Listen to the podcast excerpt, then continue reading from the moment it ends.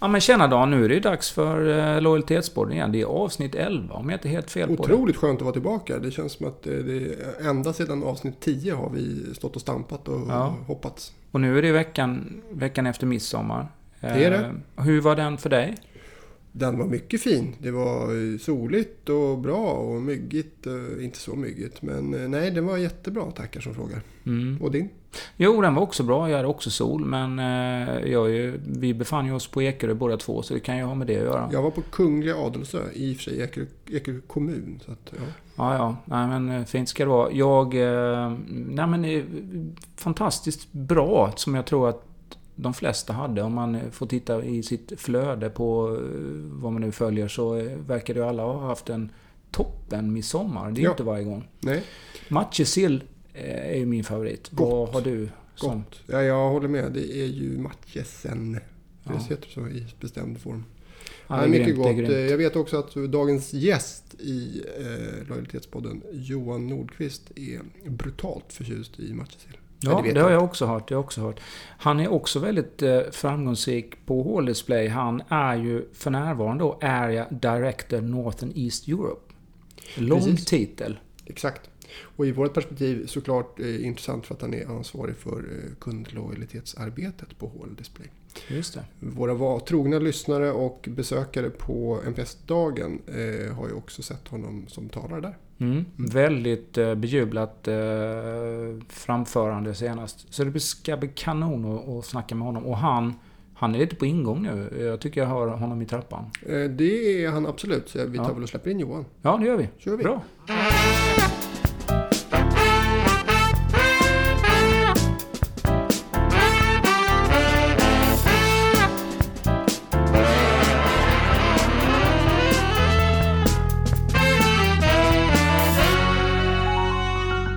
Härligt, då har vi ju eh, Johan Nordqvist här, våran gäst för dagens poddavsnitt. Du, ehm, har, vi har ju hängt med ett tag, eller hängt ihop ett tag rättare sagt. Du var ju bland annat med på våran NPS-dag.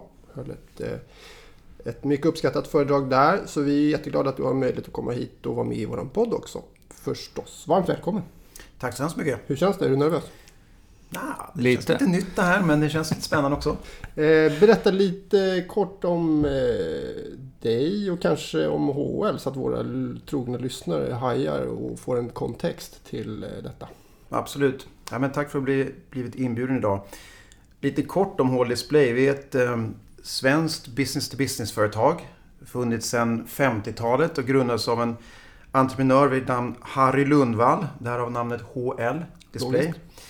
Eh, vi säljer allehanda lösningar egentligen som syftar till att skapa en bättre och enklare butiksupplevelse. Kan man väl sammanfatta. Och det betyder i praktiken allt ifrån rullhyllor i mejeriavdelningen till olika frammatningslösningar när du handlar schampo och balsam till hyllsystem inom frukt och grönt och så vidare. Mm. Vi har blivit eh, ungefär tusen anställda i 50-talet marknader och eh, vad det gäller våra kunder då, så är det framförallt de stora dagligvarukedjorna. Eh, till exempel då Tesco i England och Carrefour i Frankrike, ICA Coop i Sverige. Mm. Men även de stora varumärkesleverantörerna som ja, L'Oreal, Unilever och så vidare. Mm.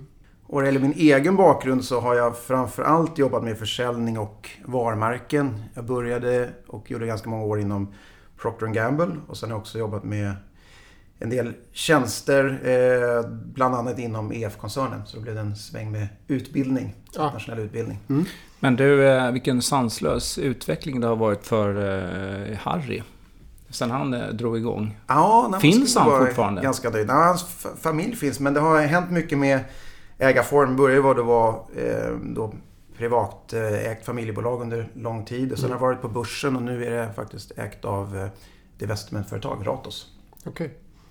Så om man är en liten eh, Coop-butik och vill ha en schysst butiksupplevelse eh, för sina kunder då ska man vända sig till HL. Det så Då kan man med fördel vända sig till oss. Ja. Men det är lite intressant, sen, sen, vi, bör, sen vi började jobba så har man ju... Då ser man eh, era grejer överallt. Man blir väldigt uppmärksam på, på alla möjliga lösningar. Ja. Som man kanske inte har tänkt på eh, tidigare. Nej, men det är väl det som är så fascinerande. Det finns så mycket bolag där ute som man inte har en aning om att de finns. Och HL är väl en sån. Nej, men i branschen så är väl en ganska etablerad Ja, aktör. Men som konsument kanske man inte tänker så mycket att man kommer i kontakt med våra produkter. Men de allra flesta som handlar i en butik gör det varje Gör dag. det, ja, Mm. utan att tänka på det såklart. Och det kanske är det bästa, att man tänker på det. Eller? Ja, och lyckas. Och hur ser eh, er marknad ut konkurrensmässigt? Är det ett antal stora som slåss om eh, alla butiker eller hur funkar det? Ja, det är lite olika på grund av alltså, vilket land vi pratar om. Det Mm. finns ett antal aktörer men det är en ganska fragmenterad och ganska lokal bransch även om det finns stora aktörer regionalt. Då kan man ju fråga sig varför, mot, mot den bakgrunden då och eh, i en B2B-miljö och i det sammanhanget, varför det här med kundupplevelser har fångat ditt och ert intresse. För vi vet ju då, eftersom vi har jobbat ett, ett antal år tillsammans, att ni är väldigt eh, intresserade av kundupplevelser. Mm.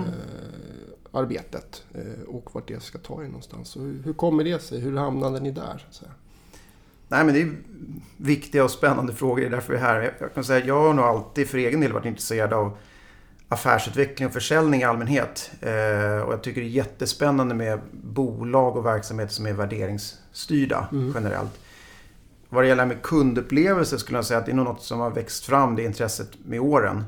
Och det är väl ett par grejer tycker jag som gör det så, så intressant. Ehm, för det första så är jag, jag är verkligen övertygad om och ju mer man jobbar med det så stärks det att om man verkligen lyckas ska, skapa riktig kundlojalitet, alltså genom riktigt bra kundupplevelse, då, då, då kommer liksom ekonomisk framgång eller resultat med tiden. Eh, Det, det är jag väldigt övertygad om. Eh, sen tror jag också väldigt mycket på att jobba datadrivet generellt. Och gör man det och tror man på det, då är det ganska självklart att man också måste mäta liksom vad kunden faktiskt tycker och tänker och lite mer subjektiva delar och inte bara här titta på marknadsandelar och, och marknadsdata, försäljningsdata. Mm. Eh, Så det är kombination. Gör. Och sen, men det kanske viktigaste, det, det är ju också, ja det vet ju ni, det är förbaskat roligt faktiskt. Mm. Och verkligen förstå kunderna och, och, och man kan hitta den här kopplingen mellan vad de säger, man gör någonting och det faktiskt har effekt. Eh, Mm. Det, det är stimulerande. Mm. Mm. Och eh, också det här att, att eh, medarbetarna får ett annat typ av fokus när de, när de, när de eh, genom att man hela tiden återkopplar kring, kring kundupplevelse, att man verkligen förstår att det här som vi gör, det har en väldigt stor påverkan och det skapar ett engagemang. Absolut. Och- Det, det tror jag att det är så himla lätt, jag tror jag, oavsett bolag och bransch, att man, det, går, det tar inte så lång tid förrän man liksom glömmer sin egen lilla verksamhet, att man Mm. fokuserar på det egna. Och, och, så att, helt rätt. Eh, påminnas om, om kunden där ute och leva kunden. Eh, lyckas man med det, då kommer mycket av sig självt. Så jag håller helt med.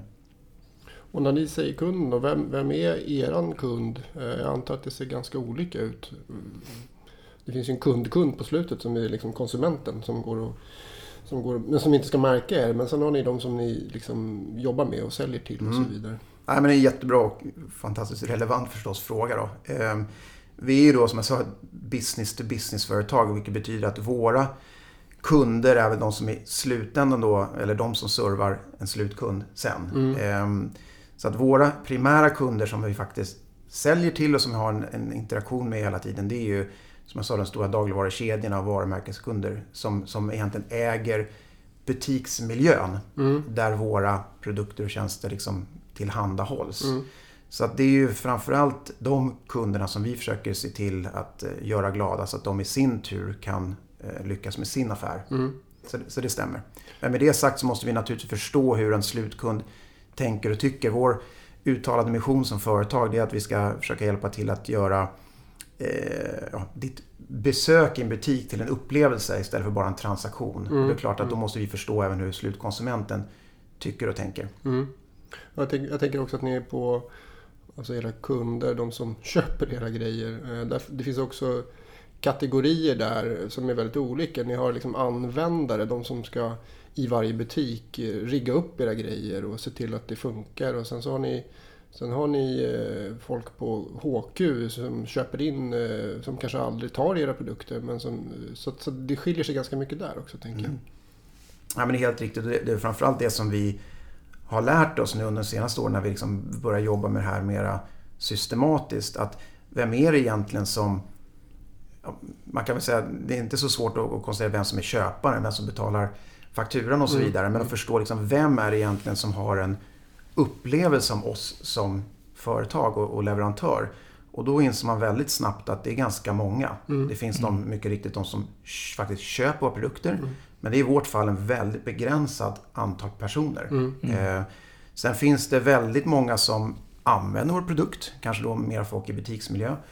Mm. Och sen finns det väldigt många som direkt eller indirekt har någon slags åsikt om våra produkter, tjänster och om oss. Mm. Och ehm, för att jobba med den totala upplevelsen av oss som leverantör och partner så måste man adressera alla delar. Mm. Och det är väl det som både är svårt och väldigt spännande. Mm. Ja, Många gånger så har, ju, har man ju en utmaning att man, eh, man, man, man har ju klart för sig vem det är som, som är beslutsfattare och vilka som är användare av, av produkter och tjänster. Men sen har du ju den här gruppen då som är med och påverkar beslutsfattarna. De har man ju i regel inte lika bra koll på. Och att få, eh, få förståelse och få lite koll på vilka de är så man kan också ha, bredda sin relation med, med kunden brukar vara enormt eh, eh, viktigt. Jag kan bara som ett exempel där.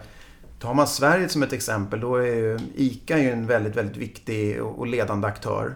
Eh, och ICA består ju av eh, till största del enskilda handlare. Det Mm. vill säga att man äger sin egen butik. Mm.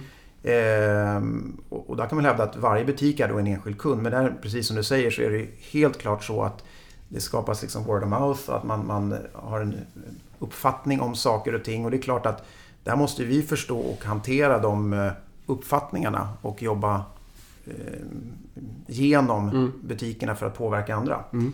Eh, därav att det är viktigt att ha koll på vad man säger i relevanta forum. Allt från Facebookgrupper till på olika event eh, och genom interaktion med våra säljare och med andra leverantörer för Mm. den delen.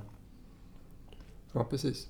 Och sen har ni väl ni som många andra i B2B-sammanhang eh, det här med liksom mängden, om man nu jobbar med undersökningar, vilket vi gör och skickar ut enkäter och samlar in feedback på det sättet, att, att det kan bli begränsad mängd data eh, för att man inte har så många kontakter helt enkelt. Och det där är alltid en utmaning att, att hantera.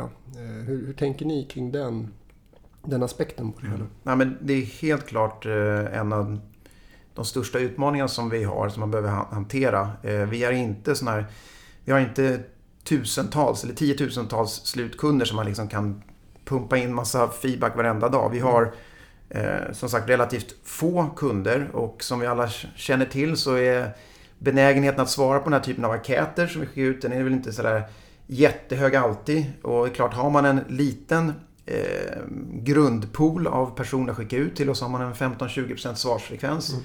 Då blir det per definition rätt, rätt begränsat. Så där, det är ju något vi har försökt att jobba aktivt med och se till att eh, så många som möjligt ska svara. Mm. Eh, och så vidare. Men man får jobba lite annorlunda. Ja. Eh, men det är väldigt viktigt att ha, ha det i beaktande förstås. Mm. Det är väl en utmaning som många inom B2B brottas med just att man har, många gånger har begränsat antal kontakter att, att nå. Mm. Ehm, Men däremot så blir ju varje enskilt svar väldigt, väldigt viktigt. Eh, Att få in de här svaren som kan betyda mycket och att följa dem över tid och se att, att relationen med dem man faktiskt har kontakt med, att den är god. Det blir ju kanske lite mer fokus än att, titta på det utifrån ett statis- statistiskt perspektiv. Absolut. Och sen är det ju det blir då kanske lite extra både relevant och intressant att följa upp till exempel enskilda fritextsvar. Även om inte de är så många så ganska snabbt så ser man mönster Mm. som man kan anta med hyfsat stor rimlighet att det har någon slags signifikans för gruppen som helhet. Mm. Ehm, Så att, nej, det är riktigt. Man får, man får jobba lite kreativt och, och pröva sig fram helt enkelt. Mm. Ni har ju ett väldigt, som vi ser det i alla fall, en väldigt tydlig målbild. Ni har gjort ett, liksom ett målbildsarbete som eh, i och för sig inte eh, per definition hänger ihop med kundlojalitetsarbetet. Men det, det, de, de olika delarna föder varandra lite grann. Kan inte du berätta lite om det här målbildsarbetet som ni har gjort och, och varför ni gjorde det? Mm. Nej, men absolut. Jag, jag, jag tror att generellt att om man ska lyckas med att dra mot ett större gemensamt mål så tror jag att det är väldigt viktigt att ha en, en tydlig och framförallt inspirerande målbild. Mm. Eh, egentligen bara för att ja, undvika missförstånd och att man inte drar som organisation åt olika håll. Eh, och, och framförallt då att man känner att man hittar den här kopplingen och skapar någon slags mening för den enskilda Mm. medarbetaren. Ja. För det, det tror jag, min erfarenhet, att det i sin tur hjälper verkligen att få lossna kraften som finns i alla organisationer ska jag säga. Mm. Så det vi har gjort specifikt och det är faktiskt inspirerat av eh, ett arbetssätt som jag vet att Systembolaget använde sig av när de gick från sin resa från ett eh, uttjatat monopol till, eh, ja, de har ju faktiskt varit, fått priser som mest kundtillvända företaget i, Mm. i Sverige i många år. Mm. Det är att eh, ta fram något som vi kallar i alla fall målbild 2022. Ja. Och i, i praktiken så är det egentligen en väldigt jordnära och konkret beskrivning av hur vi önskar att våra kunder beskriver HL Display eh, när de tillfrågas spontant om tre år. Mm. Eh, det låter rätt enkelt men det är faktiskt någonting som vi arbetade med i, i ledningsgruppen under många månaders tid och knådade fram och tillbaka. Mm. Mm. Och hur, när ni... Det arbetet, när ni satte då målbilden, hur tog ni det vidare ut till eh, alla? Så att alla hänger med på hur resonemangen har gått och, och varför man har den målbild man har. Mm. Jag Nej, tänker att det interna så- förankringsarbetet känns Ja, viktigt. nej, vi tog faktiskt en del extern hjälp för att liksom eh, komma framåt i det här arbetet. Men det var hela ledningsgruppen som vid ett antal tillfällen under en 3, 4, 5 månaders period eh, i workshopformat då liksom fick arbeta med de här frågorna och det fick liksom gro över tiden. Mm. Det slutade mer eller mindre ett, ett brev till oss själva som sagt vad vi ville att kunderna Mm. skulle säga. Mm. Eh, Det vi har gjort sen då, liksom, det är egentligen att eh, ta det ut till organisationen, berätta om det, förklara den och försöka att eh, i olika former att folk får testa att vad betyder det här rent konkret för mig Mm. eh, i mitt dagliga jobb. Och det är väl det som jag tycker varit så spännande till skillnad från kanske en vanlig vision eller mission som alla företag har. De, Mm. de är ofta fantastiska i sig. Men det är lite svårt att ta till sig vad det betyder för mig enskilt och framförallt så kanske inte liksom talar till hjärtat alltid. Eh, Så det är väl det som vi har försökt till. Och, och det har visat sig i efterhand då att det har ju fungerat som en väldigt bra länk och bas till vårt eh, arbete med kundlojalitet Mm. och, och kundupplevelse. Att man liksom alltid kan gå tillbaka till den här målbilden och fråga så här, stärker det här eller drar oss den här önskvärda Mm. riktningen eller inte? Mm. Så det har varit en ganska bra temperaturmätare. Ja. Och vad är målbilden nu? Jag ska testa det så om du kommer ihåg. Nej, men i, i, i stort så är det väl egentligen att, man, att vi vill att, att man som kund ska känna att vi är den självklara partnern om man vill skapa en riktigt fantastisk butiksupplevelse. Mm. Helt enkelt. Man naturligt ska komma till oss. Mm. Och sen att det ska vara som ett rött tema, det ska vara väldigt, väldigt enkelt att jobba med oss. Mm. eh, i- På alla längder och bredder. Ja. Och det är det inte idag eller? Ja, det finns nog en del att jobba på. Eh, framförallt det som är intressant när man, när man har något sånt här och börjar vrida och vända på område efter område så märker man att oj, här var det inte så enkelt. Och det kan vara allt ifrån en Mm. herregud, den här fakturan går ju inte riktigt att förstå eller att den här kartongen kan nog göras betydligt mer användarvänlig eller att eh, hänger den här kommunikationen från oss ihop med, med det andra. Mm. Eh, och för att länka till det jag sa i början, där det är det som gör det här kul Mm. faktiskt. Mm. Det blir så himla konkret. Hur ofta tar ni upp den där målbilden nu, idag då? Liksom, är, den, är den med på vartannat möte eller hur, hur, får man, hur får ni den att leva? Ja, men den finns nog alltid med där och det är alltifrån i diskussioner med vår VD till att man tar upp den på någon säljkonferens eller något sånt där. Ehm, Men, men framförallt så, så triggar det att, att vi försöker få igång ett beteende att man alltid lyfter fram det här med kund, kundperspektivet i alla forum. Det kan vara så enkelt som att man börjar ett måndagsmöte med något exempel om en kundupplevelse eller någonting. Så vi försöker eh, hitta saker som egentligen påminner om Och en källa till det har ju varit mycket av mätningarna av Fritex-svar som har kommit in och bekräftat att ni är på, på rätt väg. Och, eh, det måste ju ha varit... Ja, ibland väldigt- får man det smärtsamt påmind om att man inte är där man ska vara ännu. Men, men det som känns tilltalande är att vi, vi blir ju påminna om att det vi har målat upp, den bilden av, den, den är relevant. Mm. Våra kunder Mm. lyckas med det så tror jag att det, Mm. det kommer gå väldigt bra och eh, kunderna kommer bli nöjda. Ja, men det är väl som med allt annat, det, det tar lite tid innan man kommer igång eh, och det känns lite ovant och allt det. Men när det kommer över en tröskel att det blir någon slags del av ett vanligt arbetssätt, Mm. då, då kommer mycket av sig självt. Och det är väl Mm. då det verkligen börjar hända spännande. Och Vi vill, börjar väl röra oss mot något sånt. Mm, Mm. mm. Jag tänker att det där som är eh, arbetet med, med visioner och missioner och målbilder och så vidare. Kan, det kan ju bli en skrivbordsprodukt. Så det gäller, när man väl är klar med det så gäller det ju liksom att få det att leva i vardagen på något sätt och hitta nycklar till det. Där vi då som håller på med mätningar gillar ju liksom att föda in det här dagliga från, från kund, kunder, vad de säger och tycker. Och, och där man internt behöver hitta olika forum för att, för att lyfta saker och ting eh, hela tiden. Annars så att det inte liksom blir den där skrivbordsprodukten. Du nämnde Systembolaget tidigare, att ni, ni använder er av lite eh, inspiration utifrån. Eh, och jag vet, du, när du presenterade på, på NPS-dagen så hade du andra exempel på det också. Hur ni liksom låter er inspireras lite grann och inte hitta på allting själva. Eh, berätta lite mer om hur ni tänker kring, kring det. Eller hur du tänker kring det. Nej men det, det stämmer. Jag, jag tror att det är väldigt viktigt och eh, med det här hitta extern inspiration. Eh, för egen tycker, tycker jag det är väldigt roligt att förstå vad andra har gjort. Man är ju ganska begränsad i sitt eget lilla sinne. Så jag brukar faktiskt så aktivt jag orkar med försöka ta kontakt med andra inspirerande bolag eller personer som jag tror kan mm. lära mig någonting och som man kanske kan ha en, en spännande diskussion med. Och lite också det här med att Steel with pride. Man behöver liksom inte... Det blir inget fult att, att pröva något som någon annan har prövat. Om det funkar för oss också. Mm. Så att, ehm, nej, så jag har, eh, mot den bakgrunden så brukar jag försöka eh, med regelbundenhet ta kontakt med, med andra som sagt. Jag kan nämna för våra, några veckor sedan så träffades bland annat VDn och grundaren för ett jag tycker är ett jätteintressant bolag, ett klädföretag som heter Asket. Mm. Eh, som jag egentligen kom i kontakt med som privatperson för jag tycker att de har så jävla bra grejer. Men sen när man börjar handla där får man att fast vilket spännande bolag. Så att mm. jag kontaktade dem och det var inget problem att komma och samtala med, med, med honom. Vi hade en jätteintressant eh, diskussion om allt ifrån hur de jobbar med sina förpackningar till hur de liksom utbildar sina nyanställda för att de snabbt ska eh, lära sig att vara kundtillvända och sitta i kundtjänst två veckor i, när de anställs och så vidare. Och så vidare. Mm, mm. Ja, det får alla göra alltså? Man får börja i kundtjänst? Ja, det var ja, det givet för dem. Mm. Jättespännande att, mm. att förstå. Och vad eh. tyckte han om att det ringde någon från HR Display som ville diskutera? Nej, men jag tror att det, det kanske är lite så här osvenskt. För i början blir det lite så här, jaha, okej. Okay. Eh, men när man, när man väl förklarar och bara säger att det vore intressant och ni inspirerar mig och oss. Mm. Så ja, det, det är förvånansvärt positivt tycker jag och många tycker det är nog ganska kul. Mm. Så det, det är någonting jag verkligen kan uppmuntra alla som vill och önskar att, att gör det. Det lär man sig någonting på. Man behöver som sagt man behöver komma ut från sin lilla kontor och skrivbord. Så att det är mm. lite klokare blir man alltid. Ja. Och sen tar du med dig det där och också eh, presenterar det för dina kollegor då, misstänker jag. Ja, naturligtvis brukar jag försöka återkoppla vad man har varit med om något intressant. Då. Det eh, kan alltid från att man lägger upp något på LinkedIn till att man eh, berättar för sin ledningsgrupp eller någonting. Eller vi kanske, om det kommer upp något spännande, att vi kanske liksom tar, tar lite tid att resonera kring det.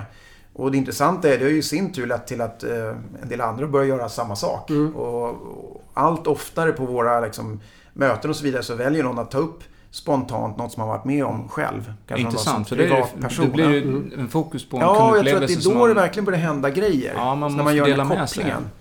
Och det är väl en annan grej att, jag nämnde att vi liksom jobbar med business to business, men det är väl en annan av mina stora insikter. Liksom att det är egentligen ingen skillnad på business to business och business to consumer. Liksom hur man, det här med grunden, vad som gör en nöjd som, som, som kund. Mm. Och i vårt fall, och alla som sitter och köper våra saker, de är ju också på sin, i sin vardag, liksom, de är ju konsumenter av vanliga grejer och handlar på nätet och allting. Och det är ju en del av deras referensbild av hur det mm. kan gå till. Mm. Och den naturligtvis har man ju bakhuvudet när man har att göra med oss eller andra, även om det är i företagssammanhang. Mm. Det är sant. Ja. Hur tänker ni nu, vad, vad sa vi, 2022 mm. var målbilden, det var den, den det ni hade satt, satt upp. Är den eh, vägen dit eh, utstakad och vet ni precis vad ni ska göra eller är det liksom fortsatt testa er fram? Eller hur, hur är liksom eh, planen? Jag tror inte man ska för stelbenta planer men, men vad vi har tagit ut redan alltså, utifrån de kundinsikt när vi gjort i grova drag det är att vi försöker hitta lite mer teman att jobba med. Och som jag nämnde så just det här med att det ska vara enkelt att göra business med, med H-display. Mm. Det, det är väl vad vi har kommit fram till Det ska vara en övergripande tema. Mm. Det var också det som vi såg i, i kundundersökningen. Den enskilda saken som hade absolut störst korrelation med en benägenhet att vilja rekommendera oss mm. till, till vänner och bekanta. Då. Det. Eh, så det är väl något som vi försöker ha en röd tråd och sen applicerar vi det på, liksom på, i de planer vi har för avsikt att genomföra i alla fall och ibland kanske leder till helt nya initiativ. Eh, en, ett exempel på vad vi har kommit fram till att vi måste satsa betydligt mycket mer på det är att göra hela leverans, eh, leveransen av våra produkter till en mycket mer av en upplevelse istället för bara en skicka våra grejer utan göra just det till en upplevelse i sig. Mm. Det, det, är väl inget som säger egentligen att när man, varför det inte ska vara trevligt att öppna en förpackning, förpackning eller leverans även om det kommer till liksom från, med, med våra typer av grejer. Det ska Mm. vara enkelt att veta var man ska vända sig och så vidare. Och det, det är nog någonting som vi inte hade tänkt på, på lika mycket om det inte riktigt kunddata hade sagt att det är faktiskt riktigt relevant för oss. Mm, mm. Och det kan man ju tänka att det är säkert någonting som sticker ut eh, jämfört med alla andra leveranser man får i en butik. Ja, det är väl tänker- förhoppningen då. Sen, Ja. sen det betyder att våra kartonger ska ha en annan färg så man lättare hittar dem ute på lagret eller att eh, vad det nu ska tänkas vara. Det, det, det får vi se. Mm. Eh, vi har också kommit fram till att vi måste också börja faktiskt mäta upplevelsen när man tar emot vår leverans. Då. Mm. Eh, det är någonting som vi inte överhuvudtaget mätt, men det går ju att mäta. Mm. Eh, så det är väl någonting som vi jobbar på nu, att försöka titta på hur vi ska göra det. Och vi levererar ju många, många saker varje dag. Mm. Så att här borde det inte vara något problem att få in en mängd med svar om vi hittar Mm. rätt Ja, setup istället för bara någon gång per år kanske mäta den allmänna upplevelsen av oss som företag. Det. Och det är ju naturligtvis intressant eftersom det det är ett område som har stor påverkan på lojalitet och, och på NPSen som man mäter. Då. Absolut.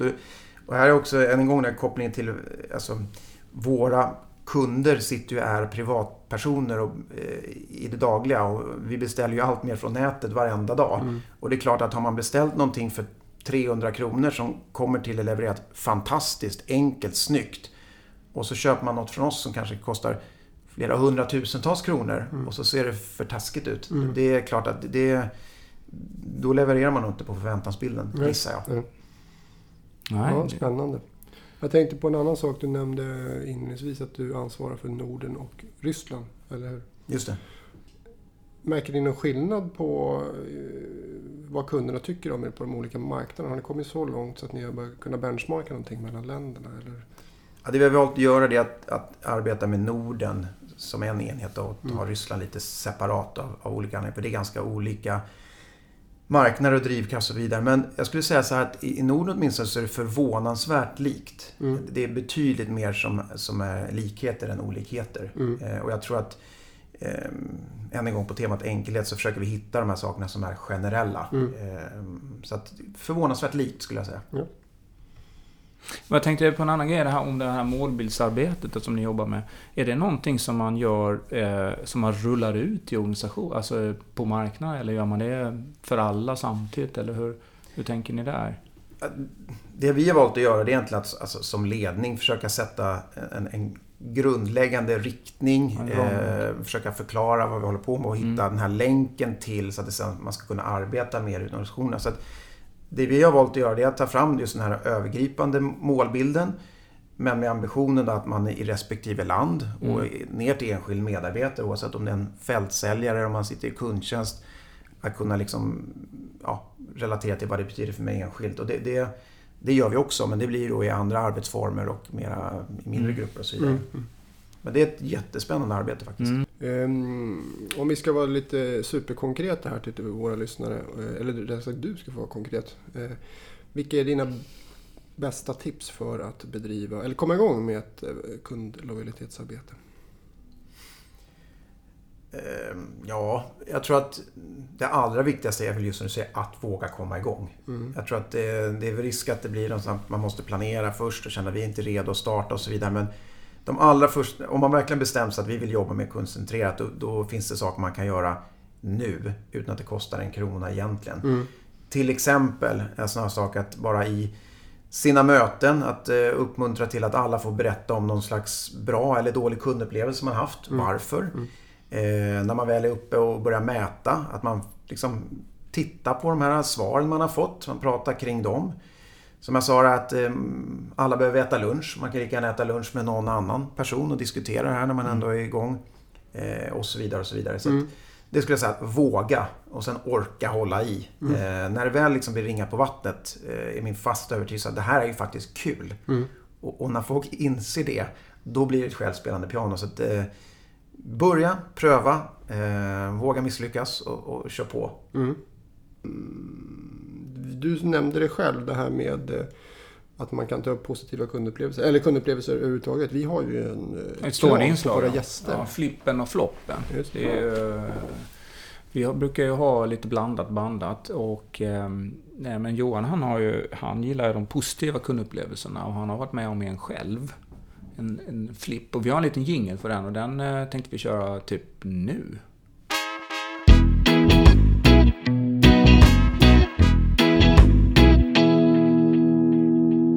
Ja, men härligt. Nu ska vi få höra om Johans flipp. Eh, Får vi, vi, vi höra.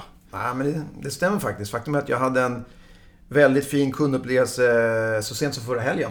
Ehm, Jag var nämligen och besökte lådbilslandet i Nykvarn. Äntligen! Ja, äntligen. Det är faktiskt en, som är en jättefin attraktion för yngre barn. Ja. Ehm, och vi hade en, en, en väldigt fin dag, men den riskerade att få en väldigt tråkig vändning faktiskt. För min fyraårige son, han ramlade nämligen framstupa i lunchserveringen och började blöda ordentligt från näsan. Det var skrik, det var gråt och jag gjorde väl mitt bästa för att hitta både servetter och, och trösta. Men eh, det härliga var, mitt i den här turbulensen då så kommer tjejen från kassan fram till vårt bord och säger lite diskret till mig att Du, så snart det lugnar ner sig lite så får din son gärna gå och hämta en glass här borta. Eh, Det var en, kanske en liten grej då men liksom, den påverkade verkligen min kundupplevelse och eh, Och vad tyckte din son då? Ja, men han gillar ju det.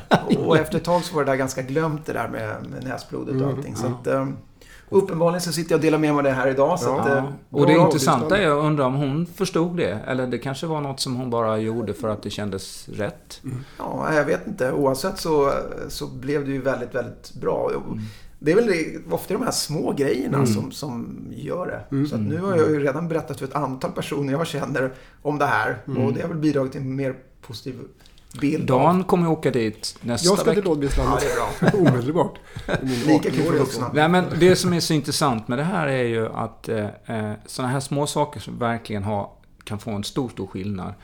Men det är ju när man, när man inser att det har det som företag, att man har det som en strategi. Att man ska göra de här sakerna. Man ger utrymme för sin personal att, eh, att, att, ja, att bjuda till och göra det där lilla extra. Och det är ju sånt som vi sen ser när vi, när vi mäter, så ser vi. Det är ju sådana här typer av stories som kommer upp. Och det är de som man måste dela med sig av. Det är det som skapar engagemang, att man verkligen förstår att oj, oj, det gör en skillnad hur jag beter mig. Så det är superintressant. Så ni kommer åka dit nästa helg också? Hoppas på Gratis glass igen. glass. Ja, precis. Jaha, superbra. Eh, vi känner oss väl som att vi har fått lära oss det mesta om eh, hårddisplay och eh, målarbete, visionsarbete och eh, Johan Nordqvist. Så vi tackar väl. Ja, det får vi göra. För att Det får du göra. tog dig tid att tack dela och bock. med dig. Stort tack själva. Ja. Så eh, får vi se när vi eh, syns och hörs igen. ja. Toppen! Ha det gott! Thank